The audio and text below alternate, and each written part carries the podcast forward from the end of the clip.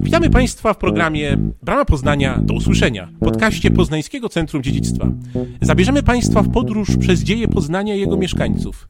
Wszystkie odcinki można znaleźć na stronie bramapoznania.pl i w popularnych serwisach podcastowych. Zapraszamy. Dzień dobry Państwu. Witamy w kolejnym odcinku Brama Poznania do usłyszenia. No właśnie, usłyszenia. Być może zastanawiają się Państwo, co tam słychać u nas na Ostrowie Tumskim. No teraz w chwili nagrywania słychać już wiosnę, śpiew ptaków, śmiechy spacerowiczów, śmigające przez nasz amfiteatr rowery. No właśnie, dźwięki, bo o nich będzie mowa w dzisiejszym odcinku. Definiują znane nam miejsca. Obok mnie siedzi dzisiaj debiutująca u nas Iwona. Cześć Iwono. Cześć Janku, dzień dobry. Razem z nią będę sobie dzisiaj rozważał o tym, jakie dźwięki otaczały mieszkańców dawnego grodu na Ostrowie Tumskim, czy towarzyszyła im jakaś y, muzyka i co w tej kwestii zmieniało wprowadzenie chrześcijaństwa na dawnych ziemiach Polski. No to już tak na początek, Iwono, powiedz, co wiemy gdzieś na ten temat tutaj różnych dźwięków i muzyki na Ostrowie Tumskim? Cóż, podobnie jak w przypadku wierzeń przedchrześcijańskich, e, jesteśmy tutaj zdani jedynie na szczątkowe jakieś informacje pozostawione przez zagranicznych kronikarzy, analizy archeologów, etnografów czy muzykologów. Pierwsze wiadomości dotyczące muzykowania na ziemiach polskich sięgają X wieku. E, wtedy to Gal Anonim wspomina o pieśniach i tańcach z klaskaniem przy dźwiękach lutni, e, jednak zabytki tej muzyki niestety nie zachowały się. Nic zresztą dziwnego, skoro grupy Słowian zamieszkujące tereny obecnej Polski przekazywały sobie wiedzę ustnie. Okej, okay, to widzę, że będą tutaj trochę podobne problemy jak w kwestii wierzeń, które już kiedyś omawialiśmy, ale to zanim przejdziemy do muzyki jako takiej, porozmawiajmy sobie tak po prostu o dźwiękach. Przedziwie mieszkańcy Śródki wspominają w różnych nagraniach archiwum społecznego, które y, mamy, że w dzieciństwie słychać było tutaj koncerty żab nad Cybiną. Zresztą to nawet do naszych czasów też przetrwało. Nadal je tutaj słychać w okresie godowym. Y, gwar handlarzy na rynku śródeckim, śpiewy harcerskie i harmonijki ustne. No, a w trakcie uroczystości kościelnych rozlegał się też śpiew chóru katedralnego. A jak myślisz, jaki dźwiękowy krajobraz mógł towarzyszyć no, mieszkańcom Poznańskiego Grodu, powiedzmy gdzieś w czasach Mieszka, czy też wcześniejszych? E, na pewno były to odgłosy natury, zdecydowanie, ze względu na to, że ten teren był tutaj e, dziki, a rzeka otaczająca wyspę e, głęboka i rwąca. Nocą hałasowały dzikie zwierzęta, a za dnia te hodowlane. należy dodać do tego stukot końskich kopyt, skrzypienie wozów skaczących na wybojach, czy dźwięki pracy rzemieślników. Sama budowa i wzmacnianie ogromnych wałów grodu z kamieni i ciężkich bal drzewnych musiała dostarczać średnio przyjemnych odgłosów. Być może od czasu do czasu okrzyki wznosili wojowie mieszka lub strażnicy na wałach. Wiele jakichś teorii, wielu uczonych rozważa e, kwestie źródeł ludzkiej muzykalności, no ale niestety nie mamy tutaj jakichś jednoznacznych odpowiedzi. Y, rozważano na przykład, czy być może zainspirowaliśmy się śpiewem ptaków, próbując go odtworzyć. Bardziej prawdopodobne wydaje się jednak twierdzenie, że y, śpiew wziął się z melodyjności języka, z przyjemności powtarzania niektórych słów wielokrotnie w określonym rytmie, że po prostu naszym przodkom no, brzmiało to dobrze i chętnie to, to robili. W tym sensie więc możemy upatrywać takiego wspólnego źródła dla muzyki i dla języka. Ale wróćmy do przyrody. Jak myślisz, czy możemy tutaj na Ostrowie wskazać jakiś wpływ przyrody na rozwój muzyki? Zdecydowanie, zdecydowanie tak. Zgadza się, że naśladowaliśmy głosy ptaków, e, jednak było to najczęściej w celach takich bardziej porozumiewawczych czy łowieckich. E, muzyka wokalna była pierwszą przedinstrumentalną i jest ziarenko prawdy w powiedzeniu, że śpiew bierze się z serca. E, lamenty pogrzebowe, czyli takiego pewnego rodzaju melodyjne opłakiwanie zmarłych bliskich e, mogły stanowić podwaliny dla śpiewu, jakie znamy dzisiaj. Podobnie jak wszelkie inne emocjonalnie nacechowane dźwięki, pokrzykiwania o zmiennej głośności, powtarzalności czy na przykład specyficznym akcentowaniu. E, muzyka no zdecydowanie jest związana z emocjami, ma je wyrażać, pobudzać, akcentować doniosłe społecznie wydarzenia lub e, pozwalać wyrażać to, czego nie sposób oddać słowami. E, wiemy na przykład, że w trakcie przesileń w obrzędowości dorocznej trąbiono w krowie rogi na cześć wschodzącego słońca. Odpowiadając na pytanie o naturę, możemy sobie wyobrazić, że dźwięki natury inspirowały naszych przodków do wytwarzania instrumentów. Bębny y, i kotły z napiętymi skórami zwierzęcymi znane były od niepamiętnych czasów wszelkim ludom pierwotnym jako instrumenty sygnalizujące i obrzędowe, przypominające uderzenia piorunów. Wiatr wydający przejmujące dźwięki w szczelinach mógł podsunąć pomysł na przykład na flety czy trąby. E, również broń cięciwa po wypuszczeniu strzały e, wydawała charakterystyczny brzęk, a co ciekawe, to właśnie łuk muzyczny uznaje się za jeden z najstarszych genetycznie instrumentów. Dobrze, w naszych podcastach e, nieraz pojawiała się też już tematyka roślin, czy to przy jakieś kwestie jakieś magiczne, kwestie kulinarne, ale czy na przykład właśnie do wyrobu instrumentów jakichś pierwszych też można było wykorzystać rośliny? Wiesz co, nie mamy na ten temat zbyt wielu informacji. Wiemy natomiast, że późniejsze ludowe instrumenty wywodzące się z różnego rodzaju słowiańskich świstawek, gwizdków, fujarek, piszczałek robione były z kory wikliny, wierzby, z drzewa orzecha laskowego lub z orzechowych łupinek. E, na przykład ze zwiniętej w trąbkę kory wierzby można stworzyć piszczałkę podwójnostrojkową. Trudna nazwa. Znaną ogólnie pod bardziej wyszukaną nazwą pierdziel. Instrument. Nazwa. Tak. Instrumenty robiono również z kości ptasiej i gęsiego pióra. Flisacy pracujący przy spawianiu drewna na rzece e, grali na muszlach ślimaków lub wodnej trawie, czyli na tym, co było dostępne pod tak zwaną ręką. Okej, okay, mówiąc teraz o wodnej trawie, o wodzie, przypomniałaś mi, że na przykład jak ja byłem dzieciakiem i gdzieś tam, czy na podwórku, czy w ogóle po prostu gdzieś na łące bawiąc się ze znajomymi, kolegami, koleżankami, zawsze bardzo popularne było to takie piszczenie na źdźbłach trawy albo babki. Tak. No tak. i nie zawsze się to udawało, tak to zawsze takie denerwujące, kiedy Ja nie umiałam nie tego robić. Się. No właśnie, bo to też nie lada sztuka opanować taki instrument.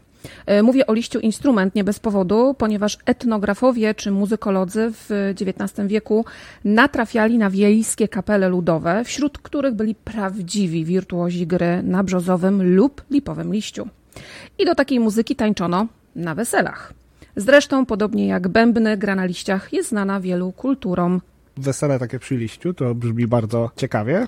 No i myślę, że teraz też trochę, żeby nie być gołosłownym, mówiąc o tych kapelach, o kulturach świata, to puścimy dla Państwa teraz taki mały fragment melodii zagranej właśnie na liściu.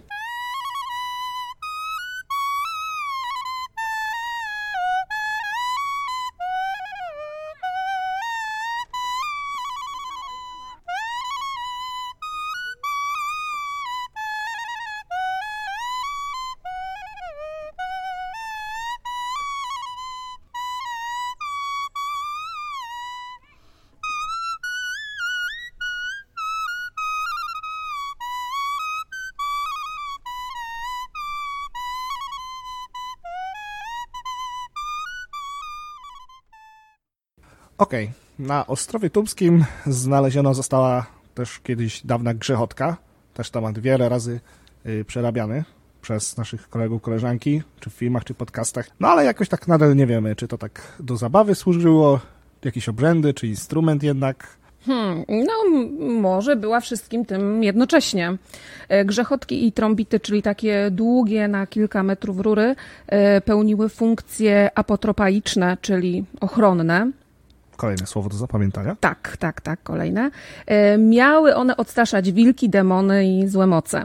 E, dzieci zawsze były narażone na wszelkiego rodzaju uroki, więc e, dźwięki grzechotki mogły służyć do zabawiania, ale też właśnie odpędzania złego. Badania archeologiczne pokazują, że do tworzenia muzyki Słowianie wykorzystywali bębny, gęśle, flety, piszczałki, rytualne rogi, gwizdki, grzechotki, tarła, dzwonki, a także prymitywne instrumenty strunowe. Powszechnie używano e, trąb naturalnie wykonanych w drewnie, e, takich jak bazuny, ligawki czy właśnie wspomniane wcześniej trąbity. Za ich pomocą można było ostrzegać przed niebezpieczeństwem na odległość. To myślę, że czas na kolejny dźwięk i teraz posłuchamy sobie, jak faktycznie te trąbity brzmiały, jakie to było głośne.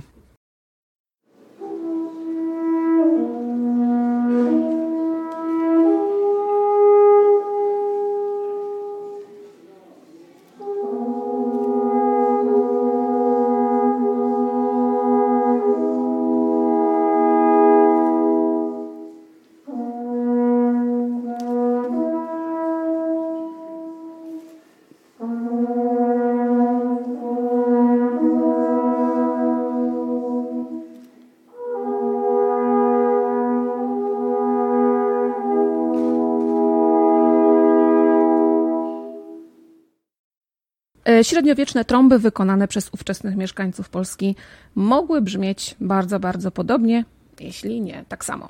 Podróżni handlarze, grajkowie, y, przywożący informacje i nowinki z dalekich krajów, właśnie czy muzycy, czy jacyś e, podróżni. Czego byśmy tutaj jeszcze poszukali, jako jakiejś rzeczy, która mogła mieć wpływ na rozwój muzyki na terenie dawnej Słowiańszczyzny?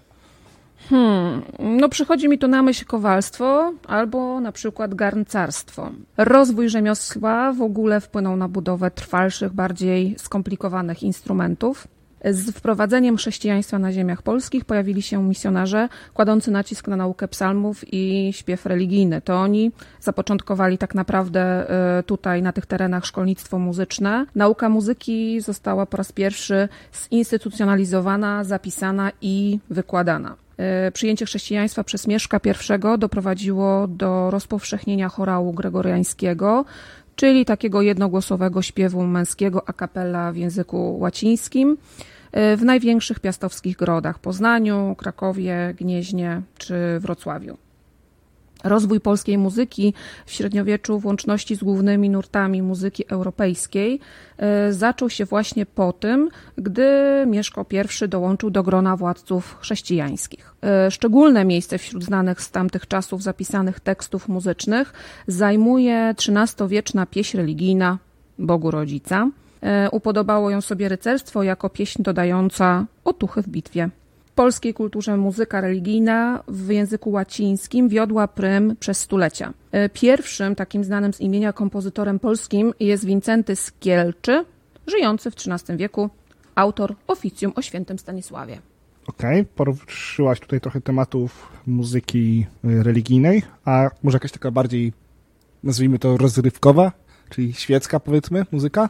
Oj, panie Janie, oczywiście też się rozwijała, choć mniej jest o niej informacji i mniej e, zachowanych zabytków. E, są to m.in. pieśni o wydarzeniach historycznych, utwory okolicznościowe, mm, muzyka e, instrumentalna, taneczna, dworska, informacje o muzyce na dworze królewskim i dworach książęcych w średniowiecznej Polsce dokumentują jej rozwój od XI wieku.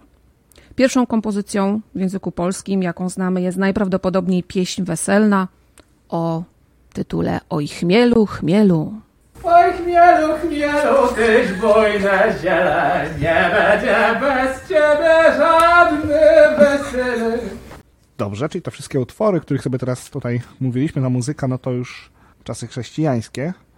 No ale o tych czasach przedchrześcijańskich, jak brzmiała wtedy muzyka, no tak jak już mówiliśmy wcześniej, niestety y, za dużo nie wiemy, możemy sobie tylko trochę wyobrażać na podstawie tych pozostałości instrumentów, no i też trochę tego, co zostało w kulturze ludowej, no. Więc właściwie skąd się wzięło takie określenie muzyki jako słowiańskiej czy pogańskiej y, w kontekście polskim? Bo przecież mamy wiele przykładów jakichś ścieżek dźwiękowych do filmów w duchu, w duchu słowiańskim, no czy współcześnie tworzonych już utworów nawiązujących do polskich tradycji, no też na przykład wspomniany też u nas w jednym podcaście Wiedźmin, no jednak cała ta warstwa dźwiękowa, muzyczna zespołów typu na przykład Żywiołak nie brakuje. No skąd tam się to bierze? Jak myślisz? Tak jak dokładnie prawisz, są to interpretacje i fantazje na temat słowiańskiego ducha uchwyconego właśnie w muzyce. E, w XIX wieku odwoływano się do cech narodowych widocznych w strukturze muzyki, stąd muzyka Polaków, Czechów y, czy Rosjan y, miała cechować się y, wylewnością, sentymentem i głęboką uczuciowością. Słowianom przypisywano jako ludowi rolniczemu z osiadłym trybem życia wiele pozytywnych cech, na przykład pracowitość, gościnność, łagodność czy umiłowanie spokoju. Twórczość muzyczna, chcąca reprezentować żywioł słowiański, była inspirowana tymi cechami właśnie, zarówno w muzyce klasycznej, jak i mm, rozrywkowej. No właśnie, bo no mam też takie wrażenie, że po prostu używanie jakichś dawnych instrumentów yy, regionalnych w jakimś zespole, który nawet pozostałe instrumenty mogą być czymś innym, czymś bardziej współczesnym, czy po prostu jeśli teksty piosenek będą też nawiązywać jakoś do tematyki przedchrześcijańskiej, też faktycznie tego powiedzmy takiego klimatu rockowego, który w tę stronę idzie, nie brakuje. No po prostu mamy wrażenie, że to wszystko y, nadaje jakiś utworowi autentyczności po prostu, tak? E, Zdecydowanie, zdecydowanie z pewnością użycie wierzbowego fletu, na jakim mogli grać nasi przodkowie, e, sprawia, że jest to połączenie no, na przykład z naszym dziedzictwem. E, No nie sprawi to jednak, że będzie to dokładnie taka sama muzyka jak, jak kiedyś. Trzeba pamiętać, że o narodowej cesze dzieła często decyduje nie jego zawartość, ale pewnego rodzaju umowa społeczna co do tego, co będzie na przykład właśnie słowiańskie y, w muzyce. Y, W średniowieczu w Polsce używano prawdopodobnie w muzyce ludowej głównie różnego rodzaju bębenków, fletów y, czy fletni. Mogły brzmieć na przykład tak, jak ten wykonany z wierzby.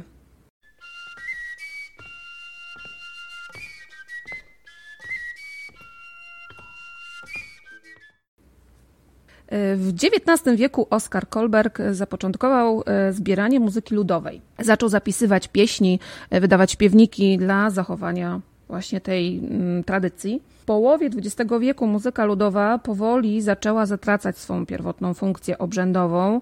Dziś żyją już tylko nieliczni jej wykonawcy. E, Muzyka ludowa nie zaginęła jednak, e, rozwija się nurt zainteresowania nią e, przez młodych, szczególnie młodych ludzi, zwłaszcza ze środowisk miejskich. Doszukują się też w sztuce ludowej rdzennie słowiańskich cech, e, takich prasłowiańskich reliktów i interpretują ją na swój sposób. W pewnym sensie trochę nam ta muzyka wymiera, ale tak nie do końca, bo rzeczywiście nadal jest to taki bardzo bogaty nurt. To też kiedyś wspominaliśmy właśnie przy okazji wierzyć, że jest to taka bardzo potężna baza, bardzo otwarta na to, żeby ją jakoś interpretować, nią się e, bawić i myślę, że tutaj rzeczywiście ta muzyka też jak najbardziej jest trochę tych jakichś tekstów, takiego wzorowania się, trochę tych instrumentów. Wszystko nam to pozostało i na pewno e, warto to rozwijać, żeby sobie to powstawało, bo to bardzo ciekawy nurt muzyczny.